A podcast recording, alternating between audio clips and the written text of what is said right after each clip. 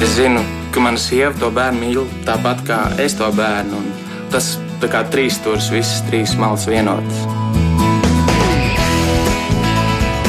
Mēs tiekamies ģimenes studijā.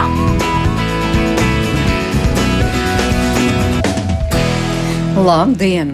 Ja pirms desmit un vairāk gadiem atbild uz jautājumu, vai mamma ar garīgu raksturu traucējumiem spēja parūpēties par savu bērnu vai bērniem, biežāk skanētu atbilde - nē, Te tagad, pateicoties dažāda veida atbalstam, bērni var augt savā bioloģiskajā ģimnē arī tad, ja vienam no vecākiem vai varbūt arī abiem ir garīgi rakstura traucējumi.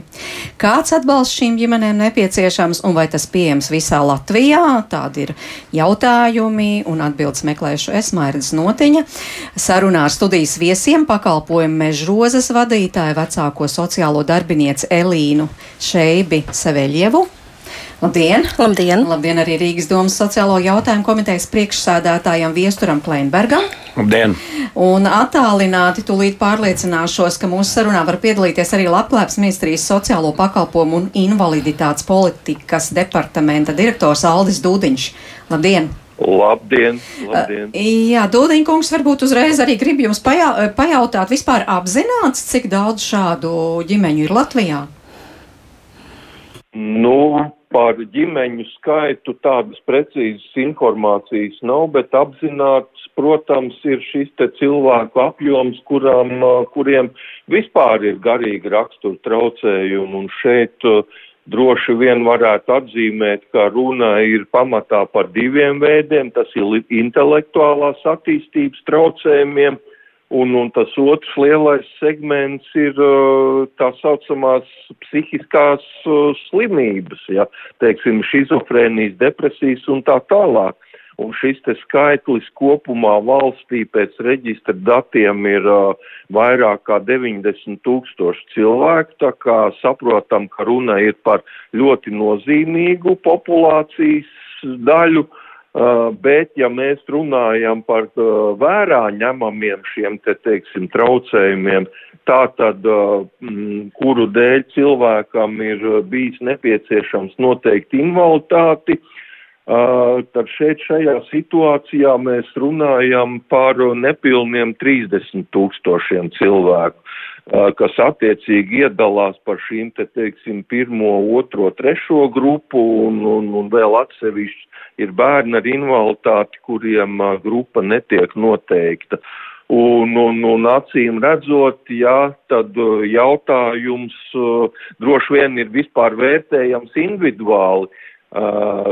Pēc konkrētā cilvēka, pēc konkrētu šo te, teiksim, funkcionēšanas ierobežojumu smaguma pakāpes un izpausmēm, un tad jau teiksim, izvērtējot cilvēku individuālās vajadzības, tad arī atbilstīgi šim te individuālajam rehabilitācijas plānam arī tiek noteikti šī te nepieciešamā intervence, nepieciešamie pasākumi un, un, un, un, un tās apjoms. Ja. Jā, nu par to mēs tā, šodien runāsim, par to mēs jā. tiešām šodien runāsim, bet atskatoties pagātnē, nu šie cilvēki, par kuriem jūs runājat, tā tad ievērojams skaits ģimenes. Tas nav dažas ģimenes Latvijā, tas ir daudz ģimenes. Agrāk tiešām, ja bija šādi traucējumi, visbiežāk bērnu izņēma no ģimenes, un, un uh, publiskajā telpā ir šādi stāsti. Es domāju, tas emocionālākais un varbūt tas, ko daudz ir dzirdējuši, ir Karīnas Petersons stāsts, un es atļaušos pavisam īsi atgādināt, tad uh, viņš šobrīd ir pieaugusi, viņai ir ģimene, viss kārtībā, bet tad, kad viņai bija pieci gadi, viņas mamma saslima ar šizofrēniju, nu viņa dzīvoja, tā teikt, savā pasaulē, sāk dzirdēt balsis, un uh, Tuvinieki atsvešinājās, Karina kļuva par mammas tādu kā aprūpētāju, varēja teikt, rūpējās tiešām par ģimenes dzīvi, mēģināja tur notirgot, piemēram, mammas eh, skaistos tamborētos cimdus, lai ģimene varētu izdzīvot, un bija tikai likumsakarīgi, ka gau galā eh, meitene nonāca aprūpes iestādē, bet nu viņa atceras par to savām bērnības sajūtām, ka nu, kā viņa stāsta, ka tolaik viņa tiešām visu laiku domāja par to, ka viņa tomēr grib būt mājās, neskatoties uz to, ka tur gaidīja arī mamma un viņas balsis, un kā viņa rakstīja, labāk stāvēt blakus mammai, kura pie loga pagalma bērniem kliedz kaut ko nesaprotam, nekā institūcijas milzīgajā ēdam telpā klausīties, kā šķīna alumīnija trauki, jo viss steidzas ātrāk pāriest, iekļaujoties noteiktā laikā. Ja šis Karīnas stāsts būtu šodien, droši vien, ka situācija ir izcinātos citādi, vai ne? Elīna. Jā, iespējams, ka uh, ar pakalpojumiem, ko tomēr mēs Latvijā var piedāvāt jau šādām mamām, tā situācija varētu būt savādāka. Ko var piedāvāt? Jo vispirms eh, jūs eh, tomēr varat runāt par Rīgu, par uh mhm. -huh. situāciju Jā. Rīgā. Jā. Ko jūs šobrīd varat piedāvāt? Nu, uz doto mirkli um, sadarbībā ar Labklājības, Rīgas domas Labklājības departamentu un uh, Latvijas sarkanais krusts uh, krīzes centra burtnieks apakšvienības sociālās rehabilitācijas pakalpojums mežrozes piedāvā mamām ar garīgi raksturu traucējumiem sociālās rehabilitācijas pakalpojumu, kur mammas var uzturēties ar bērniņiem, sakot no zīdainīša līdz sešu gadu vecumam. Kur, kur mammas uzturās? Jā, uzbura uztur... to ainu, mēs tagad radio runājam, neko nevaram jā, pastāstīt. Jā. Kur viņi viņas dzīvo? Mēs, uh, māmas dzīvo ļoti skaistā ēkā, jaunuzceltā ēkā Baldarājā. Dzīvo māmas katru savā dzīvoklītī un uh, izmanto koplietošanas telpas. Dzīvoklīts ir aprīkots ar visu to, kas mammai ir vajadzīgs. Māma var nākt pie mums dzīvot tikai un vienīgi ar uh, savām drēbēm, bērna drēbītēm un pārtiku. Māmām mēs nodrošinam sākot ar gultas veļu un beidzot ar um, ikdienas vajadzībām nepieciešamo katliņu, dakšiņu, nazīti. Ja, un uh, mammas uh, tā tad var izmantot šo pakalpojumu līdz diviem gadiem un uh, saņemt šo atbalstu ikdienā no kopumā desmit uh, speciālistiem, kas mums ir personālā. Un uh, ikdienā var uh, uzdot jebkuru interesējošo jautājumu, izrunāt jebkuru sāpīgo jautājumu, pārunāt ar, ar, ar darbiniekiem jebkuru savu ikdienas situāciju, lai kļūtu par vēl labāku māmu savam bērniņam. -hmm. nu jā, bet jūs vērojat šīs māmas ar garīgās attīstības traucējumiem, tie ir ļoti dažādi un situācijas līdz ar to arī dažādas. Bet kas ir tas būtiskākais? Tātad viņām ir jāiemāca parūpēties, nu, piemēram, par bērniņu vai jāiemāca darīt kaut kādas ikdienas lietas, kuras parasti cilvēkiem nemāca. Mm -hmm. nu, jā, tā tad uh, šīs māmas visbiežāk manā praksē rāda, ka nāk no pašas no sociāli nelabvēlīgām ģimenēm un situācijām. Ir, ir gan uh, nāk māmas arī no auģu ģimenēm, kur, kur ir augušas, ir mamma, kura ir bijusi tāds ielu bērns un, un ir atnākusi ar savu bērniņu. Un viņām tās prasmes ir ļoti dažādas, ko viņas spēja pašas izdarīt un ko nespēja.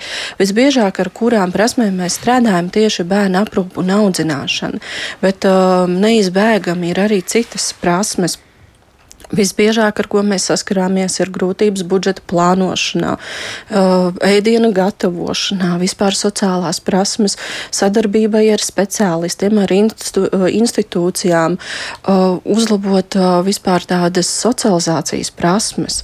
Ir dažādākās situācijas. Protams, mēs ņemam vērā mammas saslimšanu vai traucējumus, un pirmajos mēnešos, pirmajos trīs mēnešos mēs veicam padziļinātu tādu izpēti, kad mēs saprotam, kādi ir traucējumi vai saslimšanas mammai, kas ir tas, ko mamma spēja vai nespēja izdarīt, un tad jau runājam ar pašu mammu tālāk, kas ir tas, ko mēs varam darīt tālāk, lai viņa kļūtu patiešām par pašu, pašu labāko mammu savam bērniņam. Bet tā tad var iemācīt, var mainīt šo situāciju divu gadu laikā. Jā, ir prasmes, ko var attīstīt, bet uh, ir jāņem vienmēr vērā mammas saslimšana, jo ir dažreiz prasmes, ko nekad varbūt neiemācīs šai mammai. Visbiežākais, um, kā piemēru varu minēt, ja mammai ir garīga attīstības traucējumi, piemēram, vidēji smaga garīga atpalīdzība, tad visbiežākais iespējams šai mammai nekad nevarēs attīstīt budžeta plānošanas prasmes, kā rīkoties ar naudu, kā ekonomiski iepirkties, kā saplānot budžetu. Tas ir viens no piemēriem, bet tas ir tas, kas parasti mamā visgrūtāk arī veicas. Bet tas nenozīmē, ka viņas turpinot savu dzīvi nevarēs dzīvot patstāvīgi un aprūpēt Nē, bērnu. tas nenozīmē, jo mūsu uzdevums ir šajos divos gados arī saprast, kāds uh, atbalsts mammai ir nepieciešams pēc šī pakalpojuma. Mhm. Un tad sniedzot sociālam dienestam atgriezenisko saiti, mēs arī dodam un sniedzam šīs rekomendācijas par to, kas ir vajadzīgs. Par to mēs arī parunāsim. Mhm. Varbūt Viestur Klemberga jums te kas piebilstams. Nu, Par, par šo pakalpojumu, kas savā ziņā ir unikāls Latvijā. Jā, tas ir unikāls pakalpojums, ko Rīga ir attīstījusi. Un, uh, nu, viņš jau nav dzimis vienā dienā. Tā ideja patiesībā par šādu pakalpojumu veidojās jau diezgan izsenes. Jau patiesībā aizsākoties jau 2010. gadā ģimenes asistenta pakalpojumu, kur mēs redzējām, ka ir tādas mammas, par kurām, kā Elīna saka, piemēram, viņām var iemācīt rūpēties par to bērnu, bet jā, viņam iespējams vienmēr būs vajadzīgs ģimenes asistents vai kāda cita atbalsta persona. Bet, uh, Bet, lai iemācītu rūpēties par to bērnu, ir vajadzīga kaut kāda cita vide. Tas nevar būt krīzes centrs, jo parasti jau tās mammas nonāk krīzes centrā pirms bāriņtiesa sāk vērtēt, vai tur vispār ir iespēja aprūpēt vai nē. Un tad lielākajā daļā gadījumā jau arī šīs mammas, kas ir nonākušas mežrozēs, viņas nonāk caur krīzes centru, kur krīzes centrs šo periodu vērtē, vai tur ir tas potenciāls, vai tur ir ies, iespēja apgūt šīs prasmes. Un tad attiecīgi tā tad var nonākt šajā pakalpojumā. Un, protams, tas, ko arī Elīna teica, pēc tam, kad pakalpojums beidzas, tad noteikti nāk šīs rekomendācijas, un attiecīgi mēs arī so, ar sociālo dienestu palīdzību meklējam tos resursus, kas tad būtu vajadzīgs. Vai viņam vajadzīgs ģimenes asistenta pakalpojums vai vēl kaut kādas lietas. Bet tas galvenais, kas ir panākts, ir tas, ka tā mamma, kur to bērnu patiesībā mīl, bet viņam iespējams jau ar iepriekšējiem bērniem iespējams nav spējusi tikt galā un viņus ir zaudējusi, vai arī, precīzāk sakot, bērni ir zaudējuši mīlošu mammu. Mēs spējam iedot to sistēmu un izveidot tādu, lai viņi var tomēr augt pie tās mammas, jo mamma tomēr, nu, lai kā tas nebūtu, vienmēr būs. Nu, kaut vai šis pats Karīnas gadījums, ja, kur, kur tas notika pēkšņi, un, un, un, un šāda dzīvē situācija izveidojās. Tas cilvēks ir dārgākais, un mums ir jādod iespēja viņam augt ģimenē. Un, attiecīgi, tātad mūsu uzdevums, kā pašvaldības uzdevums, ir izveidot šo atbalsta sistēmu, lai, lai gan tā mamma, gan tas bērns varētu attīstīties. Kāpēc sākotnēji tas arī tie divi gadi plānotie? Tāpēc, kad realitātē, ko mēs redzam, ko mēs sapratām, un ko, ko mēs arī jau sen plānojam, ir tā, tad, ka principā šī atbalsta sistēma ir līdz tiem diviem gadiem, kad mamma parasti ir viena pati ar to bērnu.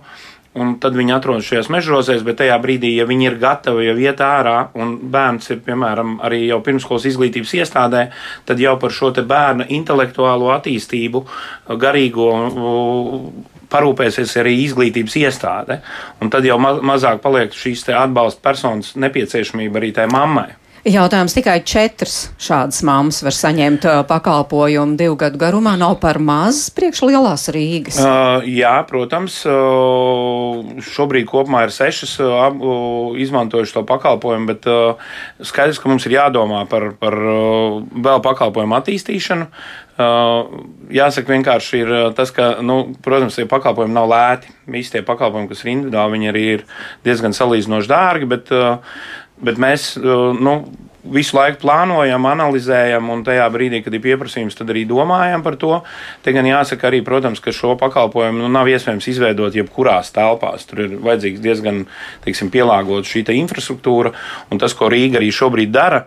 Katrā mājā, kur mēs vai, bū, vai tiek būvēta vai renovēta kāda sociālā māja vai īres nams, katrā no šīm mājām mēs ar Labklājības departamentu vērtējam, kādi sociālai pakalpojumi šajā ēkā būtu iespējami izveidot, un attiecīgi tad plānojam, skatāmies, kāds ir pieprasījums pēc šiem pakalpojumiem un domājam, nu, ko, ko, ko, ko tieši tur izveidot. Protams, es domāju, ka būs nākotnē būs aizvien vairāk šādu pakalpojumu, arī, arī šie pakalpojumu saņēmējs palielināsies skaits. Ši, ši, šie pirmie, teiksim, tā divi gadi, ko, ko šis pakalpojums ir nostrādājis. Jā, par to tomēr, cik būtiski šāds atbalsts stāst arī kāda sieviete. Viņas bērnam bija septiņi mēneši, kad abi sāka dzīvot centrā mežrozes, saņemot atbalstu un apgūstot bērnu kopšanai nepieciešamās prasmes un iemaņas. Un, kad bērns sasniedz divu ar pusgadu vecumu, izdevās atrast bērnu dārzu, pašai darbu, un tagad jau pusgadu abi dzīvo neatkarīgi un tiek galā ar ikdienu. Klausāmies, ko stāsta mamma krīzes situācijā nonācu divas reizes. Ar vecāko dēlu, diemžēl, man nebija palīdzības, un man nācās no viņa atteikties. Es nevarēju viņu audzināt tieši saslimstot tieši dēļ slimības. Kad tajā laikā, tas bija pirms kādiem gadiem, 15, nevarēju atrast uh, darbu. Pazaudēju toreiz darbu dēļ dažādiem apstākļiem, un arī dēļ slimošanas. Nevarēju nodrošināt viņam dzīvi, un tad uh, pieņēmu tādu vīrišķīgu lēmumu. Un, tā kā pati no viņa atteicos, un uh, tagad pēc uh, 11 gadiem piedzima otrs dēls, un pateicoties šim projektam, tā bija mūsu iespēja ar jaunāko dēlu palikt mums kopā. Un ne tikai palikt kopā, bet abiem diviem mācīties un abiem diviem augt kopā un, un dzīvot kopā. Un kad šīs krīzes situācijas var pavērsties tā veiksmīgi ar tādu palīdzību, bet nu, tā palīdzība, es saprotu, ka, protams, ir vajadzīga būtiska, kad Nu, pie maziem bērniem tas nav tā, ka tur pietiek ar kādu nedēļu vai ar kādu mēnesi, vai kāds tie tiešām ir vismaz tie divi, trīs gadi, kamēr bērni var stabili palaist bērnu dārzā. Mamma var atgriezties darba tirgu un var visu kā, ieņemt savu vietu un savu ritējumu. Un tad šī palīdzība šajā periodā no bērna dzimšanas, nu, tur ir mammas arī, kuras bija no grūtniecības, tur jau līdz šiem diviem, trim gadiem, kamēr tie bērni ir uh, gatavi bērnu dārzam un kamēr mammas ir gatavas atklāt strādāt, tas ir tāds ļoti būtisks periods. Mm -hmm. Tas man tā bija, kad pirmo reizi tas tā nostrādāja, kad uh, man tā palīdzība nebija, un otrreiz nostrādāja, ka man tā palīdzība bija. Un tagad es esmu veiksmīgi atgriezusies darbā, un bērns ir dārziņā, un sadarbojos ar radiem, ar draugiem. Un, atgriežos tajā sociālajā dzīvē un uh, nodrošinu sevi un bērnu. Un, un, uh, nu, jā, šis projekts mums ļoti nācis par labu. Gan man tas ir devis iespējas, gan uh, bērnam, protams, ļoti daudz, ļoti daudz laba. Gan, gan terapija nodarbības, gan psihologa nodarbības, gan sociālā darbinieka atbalsts, gan, gan pētmama, gan, gan aprūpētāji. Un, Tā ir tāda būtiska lieta, kas var ļoti palīdzēt saglabāt mammai tādu stabilitāti dzīvē un saglabāt bērnam attiecības ar mammu un, un bērnam arī nodrošināt tajā sākumā, kad varbūt kaut kādā ziņā ir visgrūtāk nodrošināt to uh, dzīves pamatu. Tas tā arī man ir nostrādājis. Bet tas nozīmē, ka bez šī atbalsta jūs faktiski arī šajā otrajā reizē jūs nebūtu viena pati tikus galā. Nu, tā varētu būt, jā, jo, jo tas atbalsts ir vajadzīgs ne tikai slimība, bet arī pats par sevi mazs bērns, un kad tu paliec viena ar to mazo bērnu. Un, un ja vēl ir tie veselības traucējumi, un, nu, tā ir tāda krīzes situācija, kur tad ir vajadzīga palīdzība. Un man bija tā iespēja un kaut kādā ziņā arī tāda drosme šo palīdzību meklēt un lūgt, un es tādu arī saņēmu šajā otrajā gadījumā. Un pirmajā es pat tādu, ar pirmo bērnu tādu nezināju vienkārši. Un sanāca tā, ka viņš tagad dzīvo citā ģimenē, bet eh, ar jaunāko dēlu man izdevās pateicoties šim projektam saglabāt pašai šīs aprūpas tiesības. Bet nu, jums tagad ir tāda pārliecība, ka uz priekšu viss būs labi, ka jūs tiksiet galā, jo tomēr es saprotu, tās veselības problēmas, nu, tās jau būs arī turpmāk. Jā, man ir tā pārliecība, ka būs tā, ka es tomēr lielāko daļu no tā varēšu izdarīt. Man tā pārliecība tagad ir. Jā. Ceru zāles un reizes mēnesī apmeklēju psihiatru un arī apmeklēju psihoterapiju. Un, šobrīd es esmu iesaistījusies vienā projektā, kur es apmeklēju arī mākslas terapiju. Un, un, nu, es cenšos risināt tādas uh, lietas laicīgi, lai nav tā krīze vairāk. Un, un to es arī mm, iepriekš mācīju, bet šobrīd to man arī mudināja tajā projektā. Tā kā tie darbinieki visi un visas tās nodarbības laicīgi risināt tās lietas, lai nav tā krīze un lai varētu tomēr pati tikt galā ar, ar kādām lietām svarīgām sev un bērnam. Bet jūs bērniņu viena audzinat, jā? Ja? Jā, es audzinu viena. Jā, man palīdz mazliet tagad uh, radinieki, gan mani, gan, gan bērnu tēva radinieki. Mēs meklējam sadarbību, mazliet palīdz, bet, nu, principā es pati esmu darbā. Tā kā tā cerīga uz priekšu. Jā, jā, ir cerība, jā. Cerība, jā. Paldies par šo cerīgo stāstu. Nu, māma gribējās vēlē, vēlējās palikt anonīma, acīm redzot, tomēr mūsu sabiedrībā nav kā, ja tu pasaki, ka tev lūk ir šāda saslimšana, tad viss saka, ok, mēs tev atbalstīsim. Varbūt ir gluži otrādi, bet, bet es domāju, ka tas varētu būt arī viens no šķēršļiem, kas varbūt rada grūtības atrast darbu, kā mēs dzirdējām, lai nostabilizētos, uzsākt šādā situācijā patstāvīgu dzīvi. Tur ir divi jautājumi - bērnam bērnu dārs un mammai darbs. Jā, nu tie ir savienotie trauki. Tie ir savienotie trauki. Un, redzat, caur šo stāstu mēs ļoti labi redzējām nu, to piemēru, kas var notikt, ja notiek lietas savādāk. Un tas, par ko man vienmēr ir sirds sāpēs, ka mēs valstiskā mērogā jau 17 gadus runājam par uh, ģimeniskai vidē pietuvinātu ārpus ģimenes aprūpi. Bet mēs valstiskā mērogā nerunājam visu laiku par to, kā panākt jau sistēmiski to, lai mums nav nepieciešama ģimeniskai vidē pietuvināta aprūpe, bet kā lai nodrošinātu to, lai pēc maksimuma varētu bērni, jebkurš bērns attīstīties uh, ģimenē, savā ģimenē. Vēl viens piemērs, kaut vai uh, tas varbūt bija viņa cits. Uh, šeit mēs runājam par mamām, kurām ir funkcionāli traucējumi, garīgi rakstura traucējumi. Bet, uh, Mēs Rīgā 21. gadā ieviesām vairākus pakalpojumus, kas ir domāti ģimenēm ar bērniem, kuriem ir funkcionāli traucējumi. Ja pirms tam 20. gadā uh, dažādu veidu pakalpojumus mājās, aprūp mājās saņēma tikai 20 bērni, tad Šī gada beigās Labklājības departaments mums sniedz atskaiti, kur jau parādās, ka mums saņem 563 tādas ģimenes, dažādu veidu pakalpojumu, gan aprūpmājās, gan voucheri, gan atbalsta personas pakalpojumu, kas viņiem arī dod iespēju, tur arī ir dzīves stāsts, kur cilvēki atgriežas darbā, var saglabāt ģimenes, viņas neizjūg, viņiem nav jāatsakās no tiem bērniem.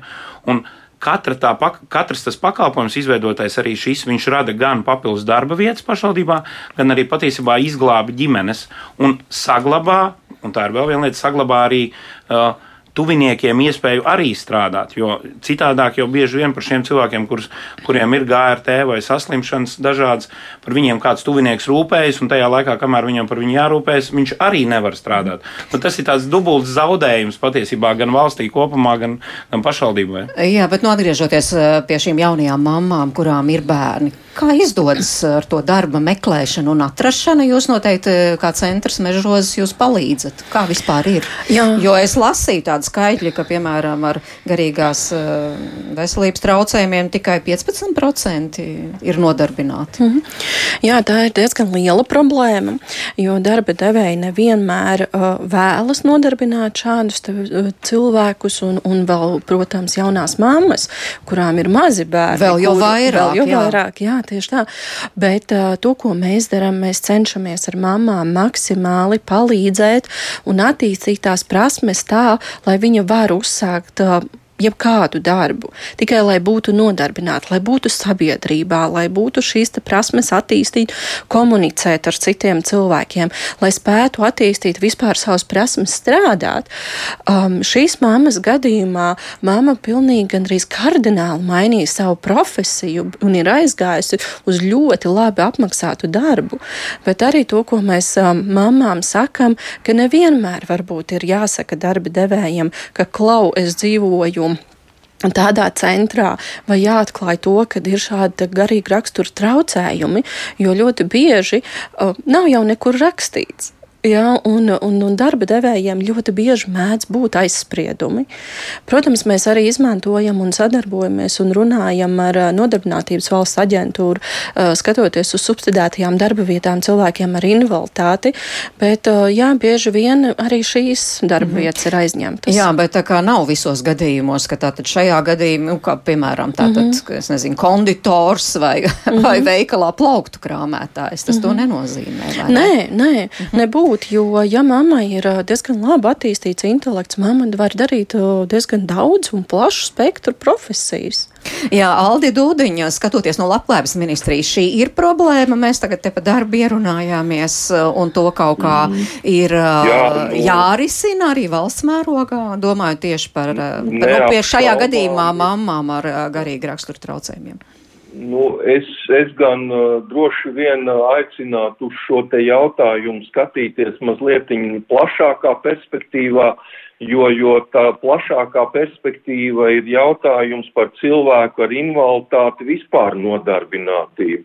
Un tad jau šī īpašā cilvēku grupa, ja tajā arī automātiski iekļaujās, un ja mēs skatāmies pēc šiem te datiem par nodarbinātību, jā, kā jau kolēģi minēja, cilvēki, kuriem invaliditātes cēlonis ir tā saucamie psihiskie un uzvedības traucējumi, nodarbinātības līmenis, diemžēl, ir tas pats zemākais. Šeit mēs varam runāt par 16%. Nu, tā saucamajos citos invaliditātes cēloņos, tur kustība, redze, dzirde, vispārējā saslimšana, tur ir, nu, stipri labāki tie rādītāji. Un tas, protams, liecina par to arī, teiksim, mēs esam pētījuši no savas puses, ja, un kas te izskanēja viens no galvenajiem iemesliem ir šie stereotipi, jeb aizspriedumi sabiedrībā, un, un, un kā jau tas izskanēja, ja, teiksim, mums ir visas šīs te lietas ar uh, pacientu vai cilvēku šo te sensitīvo datu aizsardzību, un, un uh, vienmēr tik tiešām nav nekāds pienākums, ja, teiksim, trešai personai vispār zināt, ja par uh, šo te, teiksim, slimībām un tā tālāk. Uh, droši vien ir jautājums, kā jau es teicu iepriekš, ka šīs, te, teiksim, slimību grupa dalās tā kā lielās, tādos divos lielos blokos, tur, kur ir intelektuālās attīstības traucējumi, tur droši vien mēs varam runāt par vienu no šiem te iemesliem. Ir pietiekoši zemais šis te vispārējās izglītības līmenis, ko mēs esam arī identificējuši. Un šeit šajā te gadījumā var talkā nākt, piemēram, sociālās integrācijas valsts aģentūras, dažādās apmācības kursi un programmas, tāpat tās arī nodarbinātības valsts aģentūras, šī programma, kas izskanēja par subsidēto nodarbību, nodarbinātību, bet tur, kur ir, jā, šīs te, teiksim, nu, klasiskās psihiskās slimības, Tur jau pats galvenais ir tas, ka cilvēks regulāri lieto izrakstītos medikamentus, regulāri tomēr atrādās savam ārstējošam ārstam, un tad jau teorētiski vispār nevajadzētu būt problēmas iekļauties vispārējā Jā. darba mhm. tirgu. Mm -hmm. Jā, paldies. Nu, tiešām neiedziļināsimies tālāk šajā jautājumā par nodarbinātību.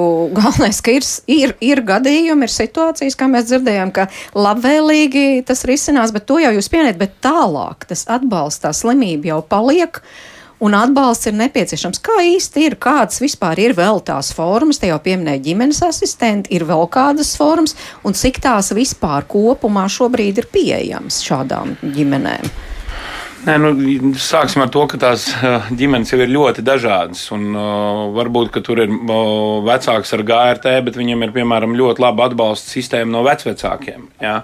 Uh, vai, vai, vai cilvēkam ar psihiskām saslimšanām. Tur ir šie gadījumi ir ļoti individuāli. Un, uh, protams, ka viņi izpaužas arī dažādi. Un te ir ļoti svarīgi, ka saulēcīgi nonāk šie uh, gadījumi sociālā dienas redzeslokā, jo tad ir iespēja arī nu, meklēt šos individuālos risinājumus. Jo bieži vien uh, mēs ar vienu biežāk saskaramies ar situāciju, ka piemēram, vienam cilvēkam nekas no tā, kas jau dabā teiksim, ir izveidots, reģistrēts sociālās pakalpojums, nedara. Viņam ir vajadzīga individuāla sociālās rehabilitācijas programma, piemēram, virknē jauniešu pēc SACs, ja, kurus mēs mēģinam integrēt arī sabiedrībā. Bet šoreiz par māmu. Jā, jā nu, tas, bet, uh, tas, tas ir saistīts. Jā, uh, un, attiecīgi, nu, tad mums ir uh, virkni jaunu pakalpojumu arī tā skaitā, nu, piemēram, ja tam bērnam veidojas, nezinu, uzvedības traucējumi, ja, ja tā māma nav varējusi tikt galā, tad mums ir vairāki jauni pakalpojumi pakalpojumi, kas ir šādām ģimenēm, kas jau palīdz atkal jau tām bērnu problēmām, kurus grūti šādām mamām pēc tam, nu, teiksim, tā tolerēt, ja, kas palīdz jau risināt šos jautājumus. Un, un, un, nu, katrā gadījumā mēs arī nu, pat grozījām Rīgas domē saistošos noteikumus, kas mums ļauj veidot arī rindas uz citiem pakalpojumiem, jo līdz šim mums rindas ir veidojušās tikai un vienīgi uz nu, tā saucamiem pansionātu pakalpojumiem, un tas mums dos iespēju arī veikt, vākt statistiku kam mums kāda pakalpojuma pietrūkst. Jo līdz šim, nu, ja, ja nav tās vietas, nu, sociālais darbinieks zina, ka nav vietas mežrozēs, ja, tad viņš nu, nu, neko darīt. Nu, mums nav piešķirts ģimenes asistentu, piešķirts varbūt vēl kaut ko, bet mums kopumā neveidojas tā bilde, cik tad mums pietrūkst vēl šāda veida pakalpojumu. Savukārt, ja mēs veidojam šo reģistrāciju uz, uz rindu, ja, un to mēs Rīgā tagad darīsim, tad mēs varam jau vākt kaut kādu statistiku un saprast, kur mums veidojās nu, tie, teiksim, tā, baltie caurumi, kur, kur, kur, kur, kur nav risinājumi. Ja? Nu, tad, attiecīgi, domāt pie jaunu pakalpojumu izveidas. Jā, bet Alīna, viena lieta ir kaut kāds konkrēts pakalpojums, bet šīm ģimenēm, tātad mamma kopā ar mazu bērniņu, mammai garīga rakstura traucējumi, viņiem laikam ļoti būtiski, tomēr ir kāda viena piesaistes persona konkrēti nu, kurai mhm. uzticās, mm -hmm. nu, piemēram, ģimenes asistents. Mm -hmm. Vēl mhm. kāds tāds varētu būt, ir mm -hmm. vēl kāda forma. Jā, jā mēs tātad izmantojam to iespēju, piedāvājam arī saviem kolēģiem un darbiniekiem varbūt pārņemt, arī strādāt ar šo te ģimeni tālāk, kā viena no iespējām, ko mēs arī piedāvājam, un vienai no mamām, kam tūliņ, tūliņ aprīlī beidzās pakalpojums, mēs esam piekrituši realizēt individuālās sociālas rehabilitācijas rehabilitācijas programma personai ar garīgu raksturu traucējumiem, kur arī mēs lielākā daļa komanda turpināsim strādāt ar šo te māmu un bērniņiem, lai nezaudētu šo emocionālo saikni un šie rezultāti būtu vēl labāki. Mm -hmm. Jā, bet uh, Dūdiņkungs, tas tā visā Latvijā ir. Kāda vispār ir tā situācija? Jo mēs te izrunājām šāds unikāls pakalpojums Rīgā, tālāk ir tās atbalsta, vēl visādas programmas, bet kā ir kopumā Latvijā? Jūs redzat to bildi? Nu, redziet, ir tā, jā, mēs to bildi varam redzēt tikai tādā kontekstā, ievācot šo informāciju no pašvaldības sociālajiem dienestiem, jo uh, Redziet, nekur jau nekādos reģistros neparādās dati, ja kā es minēju, mums ir konkrētie slimību reģistri. Mēs apmēram zinām, apzināmies šo te cilvēku skaitu, mēs zinām cilvēku ar invaliditāti skaitu, tos visus invaliditātes cēloņus, bet tur jau tālāk ir runa par šo te, kā jūs runājāt, cilvēki dibina ģimenes, dzimst bērni, Un, un šajā te gadījumā, ja nu tādi centralizēti dati valsts līmenī nav, un, un, un gadījumā, ja tik tiešām cilvēks saskarās ar grūtībām, un tā tad, kā atbilstoši mūsu valstī noteiktam likum, noteiktai likumdošanai, tas ir, ka šādu te sociālo grūtību gadījumā tā pirmā institūcija, kur griezties, tas ir pašvaldības sociālais dienests. Un tad jau, kā jau mēs mūsu sarunā minējām, notiek šī te individuālā vajadzība izvērtēšana, un tad jau kopā ar sociālo darbinieku tiek pieņemts lēmums, kas tad ir tā, tā pareizākā un vajadzīgā lieta. Un šeit var būt ļoti daudz un, un, un dažādu nianšu, ja. Un pie tam vēl, redziet, te ir tāda mm, lieta, kas konkrēti ir šai cilvēku grupai raksturīga ar ko gan mēs saskaramies, tā ir ierobežotā rīcības spēja, ja tā tad to nosaka tiesu instances, to nenosaka ne labklājības, ne veselības ministrija. Un, un tad šajā situācijā, ja tiešām tā slimība ir bijusi tik smagā formā vai izpausmē, ka tas ir ļoti cilvēkam traucējis dzīvot, tad šī rīcības spēja ir ierobežota, Un tad ir jautājums, kas tad ar to notiek tālāk, ja jau skaidrs, ka likumdošana runā par aizgādņa iecelšanu, tas tiek arī darīts. Uh, tad ir jautājums, ko tad, uh, ko tad mēs ilgtermiņa perspektīvā ar to varam darīt. Un burtiski diezgan nesen atpakaļ ministru kabinets mums apstiprināja tādu kā patiešām valstiskā līmenī mm, tādu noteiktu jaunu pakalpojumu, kas, eh, ja, ja, ja likumdevējs to atbalstīs, protams, šeit būs runa par atbalstu personas pakalpojumu. Un šeit tik tiešām uh, jāatšķir, tas ir no ģimenes asistentiem, bet šī persona būs tāda, kas palīdzēs pieņemt svarīgus lēmumus, palīdzēs izdarīt izvēli, konsultēs un sniegs padomus, ja tieši šai te cilvēkiem ar, nu, kuriem var būt šī, te, teiksim, funkcija zināmā mērā ir traucēta vai ierobežota. Jā, jā, tā jā, kā jā, novitāte, Jā, jā, nu novitāte, viestur, komentējiet. Es gribu teikt, ka, nu, ši, ja mēs runājam atkal par šīm mamām un par atbalstu, tad, uh, nu, parasti šīs nav personas, kurām ir tik, tik smagi traucējumi, lai viņiem būtu ierobežot rīcības spēja. Bet uh, Dūdiņkungs jau ļoti labi pateica, un tas ir arī tas iemesls, kāpēc mēs Rīgā veido, sāksim veidot rindas uz citiem pakalpojumiem.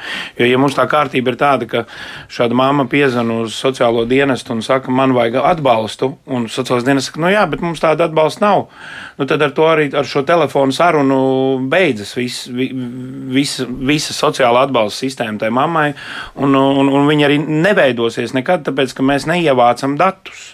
Un tas ir ļoti svarīgi, ka mums ir jāievāc dati, mums ir jāsaprot, kādu pakalpojumu mums pietrūkst, un tad mēs arī zinām, kur mēs varam attīstīties, virzīties tālāk. Ja? Un, nu šeit ir, es saku vēlreiz, mēs atgriežamies pie mamām, tad ir ļoti svarīgi, ka ir tas, ko Elīna teica, ir šī individualizētā pieeja. Jo tiešām, ja vienam cilvēkam kaut kādas vienas lietas palīdzēs, tad citam, kaut, citam būs pilnīgi absolūti cits. Un te jau ir tas stāsts, ka tajos divos gados, ko šīs mammas arī dzīvo pakalpojumā, pakalpojumu sniedzējs ar visu savu speciālistu plējādi principā redz to profilu, un viņi var sagatavot labas rekomendācijas sociālajiem dienestam, vai tur pietiks tikai ar ģimenes asistentu un kaut kādu uzraudzību. Un tad iespējams pats labākais risinājums, ka tas ģimenes asistents nāk jau no tā pakalpojumu sniedzēja, ar kuri izveidojušās ir šīs attiecības. Vai tur ir vajadzīgs lielāks atbalsts, vai tur ir vajadzīga, piemēram, nezinu, individuālā rekrutācijas programma, atsevišķa programma. Šobrīd ir arī, mēs veidojam tādas programmas, kur mēs integrējam integrējam dzīvojamās mājās, iekšā uh, sociālos pakalpojumus, kur iespējams neviens mājas iemītnieks pat tā arī neuzzinās, ka tur patiesībā nevis cilvēks vienkārši dzīvo, bet viņš saņem tur sociālo pakalpojumu. Un, un tas ir tas stāsts par to integrēšanu, par to, nu, tā skaitā, nu, sabiedrības uh, iepazīstināšana ar to, ka starp mums dzīvo šādi cilvēki. Dūdiņa kungs jau sākumā teica, 90 tūkstoši, tas ir 5% no, no, no, no, no, no kopīgās sabiedrības. Jā, labi, 30 tūkstoši ar invaliditāti, tie ir varbūt smagāki, ja, bet, bet tādu cilvēku ir ļoti daudz, un, un mums katram iespējams mājā tāda dzīvo, bet vienkārši mēs par to nezinām. Un, uh, nu, mums jāvāc dati un jāmēģina palīdzēt, jo tas, ko es saku, nu, mums katra, katra tā cilvēka. Uh, nu, tā, atbalsta sistēma izveidas, tā, tā, tas ir liels iegūms kopumā sabiedrībai. Mm -hmm. Jā, es atgādinu, tiešām pie mums šodien studijā ir pakalpojuma mežozes vadītāja vecākā sociālā darbiniece Elīna Šēbe Saveļieva, Rīgas domas sociālo jautājumu komitejas priekšsēdētājs Viesturs Kleinbergs un Labklājības ministrijas sociālo pakalpojumu un invaliditātes politikas departamenta direktors Aldis Dūdiņš. E, bet tā jau gluži nav, nu vismaz ģimenes studija pārliecinājās, ka tā gluži nav, ka kaut kur ārpus Rīgas e, šīs mammas, kurām ir garīgi atšķirīgi rakstura traucējumi, kurām ir arī mazi bērni, ka viņas neievēro, ka viņas pavisam paliek bez nu, tāda atbalsta. un par to stāsta Augstdaugavas novada pašvaldības sociāla atbalsta un aprūpas centra avoti vadītāja eh, Lilita Gasjeņeca. Klausāmies! Mūsu centrs uzņem māmiņas visas. Mēs nešķirojam, ir tur garīga rakstura problēmas vai nav. Viņas mums eh, vienmēr ir kopā, un viņas vieglāk iekļaujās gan iekšējās kārtības noteikumos, un viņam blakus ir kāds, kurš prot un zina, kā rūpēties par bērnu, kā sadzīvē uzvesties, kā plānot uh, naudiņu. Viņiem ir īsts piemērs acu priekšā, kas viņam dod lielāku stimulu, tādu motivē uz uh, to, ka viņām arī gribās kaut ko mainīt savā dzīvē. Māmiņas mums uh, bieži nonāk uzreiz no dzemdību nama. Bija tādi gadījumi, nu, viens tāds izcils bija man gadījums, kad atrada vienu māmiņu, un viņa nenormāli baidījās uh, sava bērna. Vajadzēja nu, diezgan ilgs laiks viņu pieredzināt pie bērniņa, Un bija tā, ka viņa pat nevarēja turēt uh, pudelīti. Viņa neatsakās no bērna, baidās paņemt rokās. Nu, pat vi, viņš sāk vienkārši tīkstēt, viņa jau skrien projām un spilva no uz galvas. Viņai, nu, viņai bija traķi bail. Pirmais mēnesis īpaši grūts bija. Bet uh, ar laiku Viņa sāka jau pati ņemt rokās, pati barot. Tā kā mēs saglabājam pieniņu, viņa pat uh, zīdīja savu bērniņu. Un uh, nesen satiku viņu veikalā, jo pagāja bērns iet uz skolu.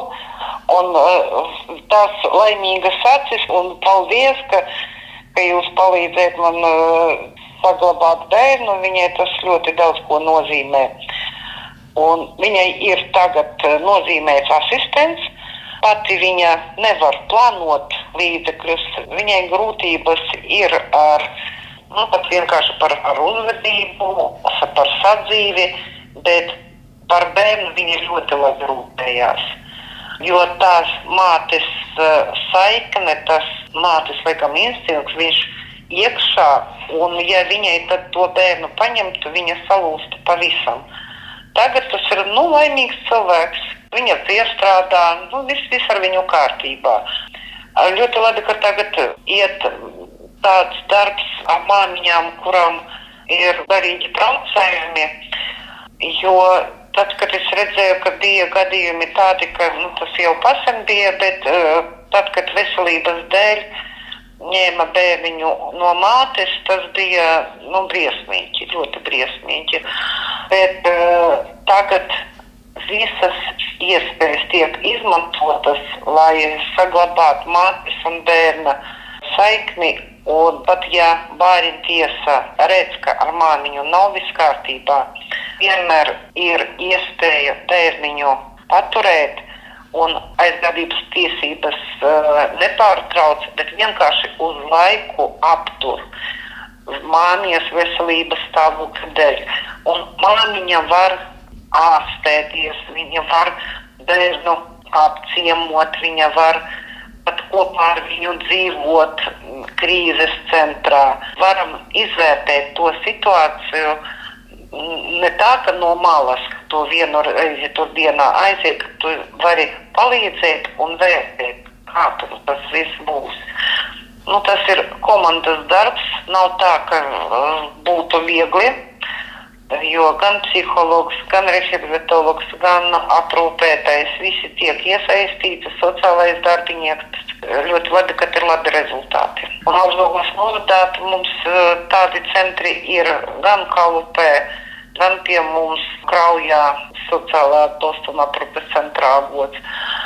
Un uh, es tā saprotu, Demenē un Īsgalē viņiem arī tādi ir centriņa, kur tiek atbalstīti tieši tādi cilvēki.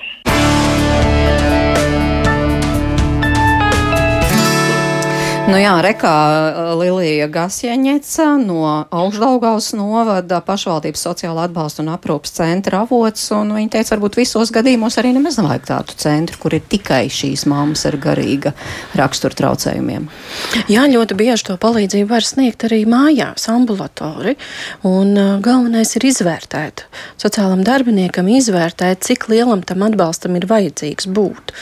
Jo ir gadījumi, kad uh, mammai var būt garīga rakstura traucējumi, bet viņi ir ļoti līdzestīga, piemēram, ārstēšanas procesā, ja, un, un tās prasmes ir diezgan labas, un varbūt intelekts ir diezgan veiksmīgi attīstīts, un šajā gadījumā tiešām nereti pietiek ar, ar minimālu atbalstu arī mājās. Mm -hmm. Jā, starp citu, Lilita arī pēc tam man vēl teica, jā, ka šīs mammas tiešām ir tādas ļoti mīlošas. Mm -hmm. Varbūt jā. mēs intelektu ziņā skatāmies, ka tur kaut kas nav tā kā parasti, bet ļoti mīlošas viņas ir jā. pret saviem bērniem. Jāsaka, tas tā ļoti paradoxāli, jo es daļēji esmu arī piedalījies šī atbalsta centra tapšanā, kas ir Naujienas pagastā, par kuru tikko runāju, jo tur deinsulācijas ietvaros tātad bijušo bērnam pārveidoja par ģimeniskai vidē pietuvinātu pakalpojumu. Tātad blakus izveidoja arī šādu atbalsta centru, kurā tātad var arī šīs mammas uzturēties ar visiem bērniem. Bet kas ir hrestomātiski un kur es varu teikt, ka acīm redzot, man neizdevās pārliecināt cilvēkus līdz galam un domāšanu mainīt, jo viena no lietām, ko es pašvaldībā teicu, ko jums vajag izdarīt, jums vajag nomainīt sabiedriskā transporta pieturu pie šīs ēkas, kur, kur atrodas šis centrs, jo pieturu sauc bērnu nams.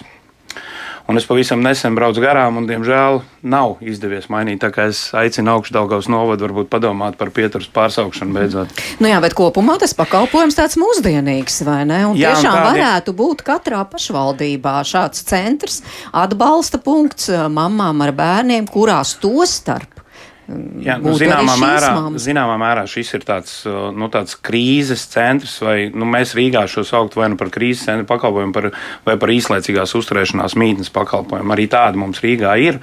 Uh, Tur jā, tiešām var uz kādu laiku uzturēties jebkura mamma, bet, ja mēs runājam par tām mežrozēm, atgriežamies, tad šeit tas pakalpojums ir nu, vērsts uz rezultātu, uz tādu rezultātu, ka, ka tiešām tā mamma, ejot prom no, no šī pakalpojuma, būtu vairāk gatava šai pastāvīgajai dzīvē, lai viņai būtu lielāka atbalsta sistēma. Tas jau tā kā ar tādu konkrētu mērķi. Mm -hmm. Bet kā ar bērniem, kuri aug kopā ar šādiem mammu vai ar vecākiem, kuriem ir garīgi rakstura traucējumi? Nu, tur ir ļoti dažādi. Ir bērni, kuriem tātad ir šīs slimības iedzimst līdzīgi no, no mammas, kā mums katram iedzimst kaut kādas no, no mūsu gēniem, no vecākiem. Ir bērni, kas ir pilnīgi normāli un attīstīties spējīgi, tīpaši tur, kur mēs runājam par garīgas attīstības traucējumiem, jo nu, man diemžēl ir jāsaka, nu, ka mēs bieži vien redzam to, ko mēs saucam par garīgu raksturu traucējumiem tie ir radušies nu, sociālās ielaistības dēļ, tāpēc, ka nav tam bērnam bērnībā bijusi tā atbalsta sistēma, varbūt viņam vecāki ir bijuši garīgi raksturtrocēm, vai varbūt vecāki nav interesējušies, ir bijuši atkarīgi vai vēl kaut kādas problēmas un nav ieguldījuši savu bērnu intelektuālajā attīstībā, un viņš, nu, diemžēl, nu, degradējas un, un, un arī kļūst par tādu, uh, kuram ir nepieciešams atbalsts. Un tāpēc atkal ir ļoti svarīgi, ka ir šī atbalsta komanda blakus, kura spēj kompensēt tajā bērna attīstībā to, kas tajā mammai pietrūkst. Tas ir tas pats svarīgākais. Ka atbalsta komanda, vis, visi speciālisti, viņi redz, ko mamma var iedot, ko nevar iedot. Tur, kur mammai ir iespēja uzlabot šīs prasmes, atbalsta komanda apmāca, mēģina iedot viņai visus iespējamos resursus, lai viņa varētu iemācīties un apgūt to. Un tu savukārt tajās sadaļās, kur mamma ir iespējams kaut kāda iemesla dēļ, veselības stāvokļa dēļ nekad nevarēs palīdzēt, tad te jau ir tā atbalsta persona, atkal tas, tā sistēma, kas, kas, kas, kas izveido to, lai, ja tam bērnam ir potenciāls, ja viņam nav šī garīgā atpalicība, ja viņam nav šo saslimšanu, lai viņš var to potenciālu izmantot savos simtprocentos un kļūt par pilnvērtīgu sabiedrības locekli. Nu jā, bet varbūt arī šiem bērniem, kuriem, kā jūs sakāt, eh, nu, ar veselību viss ir kārtībā, varbūt tomēr ir vajadzīgs arī viņiem kaut kāds papildus atbalsts. Nu, kaut vai bērniem, nu, nezinu, kaut kādas uh, grupas, kur pulcēja šādi bērni, lai viņi stāstītu par vecāku slimību, lai viņi saprastu, pieaugot, kas īsti notiek, kā un, un kā viņiem uh, labāk, teiksim, varbūt arī kļūt gan par atbalsta personu, gan arī pašiem sevi nepazaudēt. Kaut kas par to arī tiek domāts, vai tas ir vispār nākotnes jautājums? Es domāju, ka tas ir nākotnes jautājums, jo to, ko mēs redzam, kad um, strādājot un uh, savā praksē, es redzu, ka jā, šie bērni. Uh, atrod uh, veidus, kā kompensēt vecāku saslimšanu vai traucējumus. Viņi diezgan agrā vecumā jau sāk izprast, ka viņas, viņa vecāks ir mazliet savādāks nekā citas mammas, kas nāk pakaļ bērniem uz dārziņiem. Un uh, tad mēs arī to novērojam un sniedzam bērniem palīdzību emocionālu. Piemēram, individuālas rehabilitācijas programmā, kur māmiņa jau dzīvo dzīves vietā, mēs nereti izmantojam uh, tiešām terapiju bērniem, lai viņš spētu samierināties ar to, ka viņa mamma ir savādāka, un kā to kompensēt, un kā būt pašam bērnam, un nevis kļūt par vecāku savam, bērn, eh, savam vecākam. Mm -hmm, jo tā arī nereti notiek. Protams, protams. Jā. Mm -hmm. Nu, nu, es ne, negribu piekrist, ka tā ir tikai kaut kāda nākotne. Jo nu. šajā gadījumā, nu, piemēram, mēs arī pirms bijuši vairāk nekā diviem gadiem Rīgas pilsētas bērnu jauniešu centrā izveidojām tādu jauniešu atbalsta centru, kurš strādā, nu, principā viņa uzdevums ir strādāt ar jauniešiem pēc ārpus ģimenes aprūpas. Un viņu redzeslokā nonāk visi tie, kuriem iespējams varbūt nepalīdzējām pietiekami labi un nepalīdzējām kopā ar vecākiem, bet kuri aug auģu ģimenēs, pie aizbildņiem, vecvecākiem un tā tālāk. Un viņiem ir jau pusotru gadu, pirms viņiem paliek 18 gadi, tur ir izveidota atbalsta sistēma, kur gan viņi var uzzināt par visām iespējamām atbalstu, ko pašvaldības sniedz, gan tā skaitā viņiem palīdz mentori mentori vai dzīvoklis atrast, ka viņi kļūst pilngadīgi un tā tālāk. Un, un, un, un viņi paši veido arī šīs iekšējās atbalsta sistēmas. Tur ir potenciāls arī attīstīties un, un, un, un ir lietas, kas notiek jau. Jā, nu, rekotē mums raksta arī, ka vajadzētu arī šādu pacientu piederīgajiem īpašu palīdzību, jā, īpaši tad, kad tam cilvēkam ir grūti brīži, tad arī tiem piederīgajiem ir ļoti grūži, be, grūti, bet uh, Dūdiņkungs, mēs beidzam sarunu. Kā jūs liktu punktu, kas ir izdarīts, varbūt tā pavisam īsi, un kur jūs redzat uh, tos tālākos soļus, tieši domājot par mamām ar uh, garīgu raksturu traucējumiem? Nu, redziet, pirmām kārtām jau Klemberga kungs minēja par šo te lielo valstisko deinstitucionalizācijas projektu, kur īstenībā visām pašvaldībām bija iespējas tikt pie finansējuma, attīstot jaunus pakalpojumus šai cilvēku grupai bet uh, noteikti mēs punktu likt nevaram, un, un, un, un, un to, to arī mēs nedarīsim, jo arī tā saucamajā jaunajā plānošanas periodā tas, kas jau ir iestājies, mums ir paredzēts uh, finansējums gan tā saucamai deinstitucionalizācijas turpināšanai, ja, liekot akcentu uz tām cilvēku grupām, kur iepriekšējā projektā varbūt ir izkrituši cauri, ja tā drīkst teikt, un, un, un būs arī tāda interesanta lieta, uh, kas sauksies inovatīvie sociālie pakalpojumi, arī ar pietiekoši lielu finansējumu. Tas nozīmē to, ka pašvaldības, nevalstiskās organizācijas vispirms varēs startēt ideju konkursā ar, teiksim, tādu pienesumu Jā. par jauniem pakalpojumiem, un ja tas tiks atzīts par tiešām inovatīvu, labu un progresīvu, tad būs nauda arī pakalpojuma uh, uzsākšanai vai pilotēšanai. Paldies! Un, Jā. Vēl kas būtisks, jo mēs beidzam. Jā, jā. Nu, tas jau, ko es minēju, jā, šis te, teiksim, jauninājums par atbalstu personām, kur mēs gaidām uh, tik tiešām uh, konceptuālu atbalstu vēl no saimas, un uh, mēs uzskatām, ka tās būs tik tiešām no valsts budžeta finansēts pakalpojums, kas arī būs zināmā mērā Paldies! Jā, īsi lūdzu, īsi mums ir jābeidz, Dudiņkungs, jā. jā. jā. Labi, paldies! Es saku tiešām studijas viesiem Elīnai Šeibei Saveļievai, Viesturam Klenbergam un Aldim Dūdiņam. Paldies, ka atradāt laiku un bijāt šeit ģimenes studijā raidījuma producente Sarmīte Kolātes, Mairidz Noteņu pie mikrofona. Tiekamies rīt 5 minūtes minūtes pār diviem. Gaidīsim lieldienas kopā ar ģimenēm, kurām tie ir tiešām svētki, nevis vienkārši pavasara brīvdienas. Tiekamies un visu labu! Visu labu!